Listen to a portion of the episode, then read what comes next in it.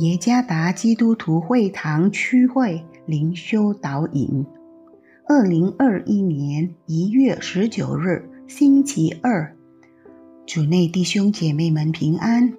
今天的灵修导引，我们要借着圣经路加福音十二章二十节来思想今天的主题：当存智慧吧。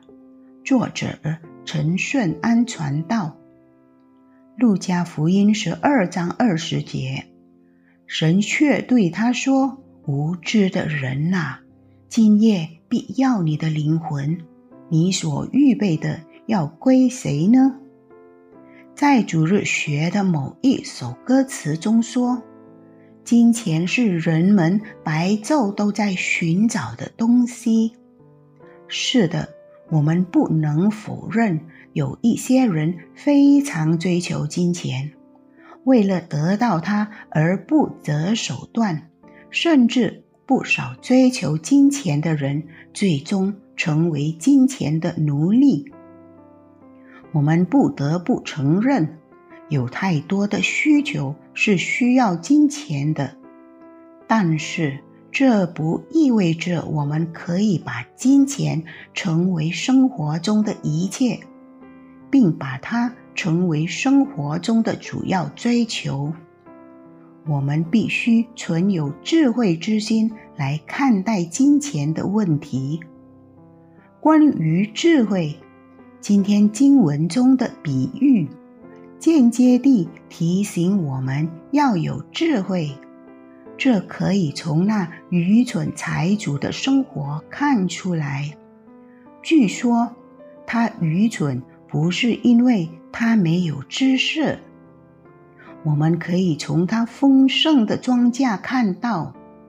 当然，他能够获得那成绩，不仅是因为好季节，也因为他对农业有很好的知识。他愚蠢，因为他的生活是依靠和专注于财物，并不涉及上帝。从他拆仓房，另盖更大的来收藏他一切的粮食和财物，可看出来他是依靠和专注于财物的人。同时，在第十九节，从他说的话中，也可以看到他是一位在生活中不涉及上帝的人。只管安安逸逸地吃喝快乐吧。这句话间接地表明，他忘了在这个世界上的生活是不永久的。他也忘了，所有人类最终都要回归创造者，并且死后我们所有的行为都要在上帝的面前负责。透过今天所阅读与思想的经文，我们被提醒要存着智慧的心看待所有权。上帝要我们意识到，我们并不是今天所拥有的财物的主人，我们是上帝托付的管家。我们在这个世界上所拥有的一切。都是上帝所托付的，因为上帝才是一切的主人。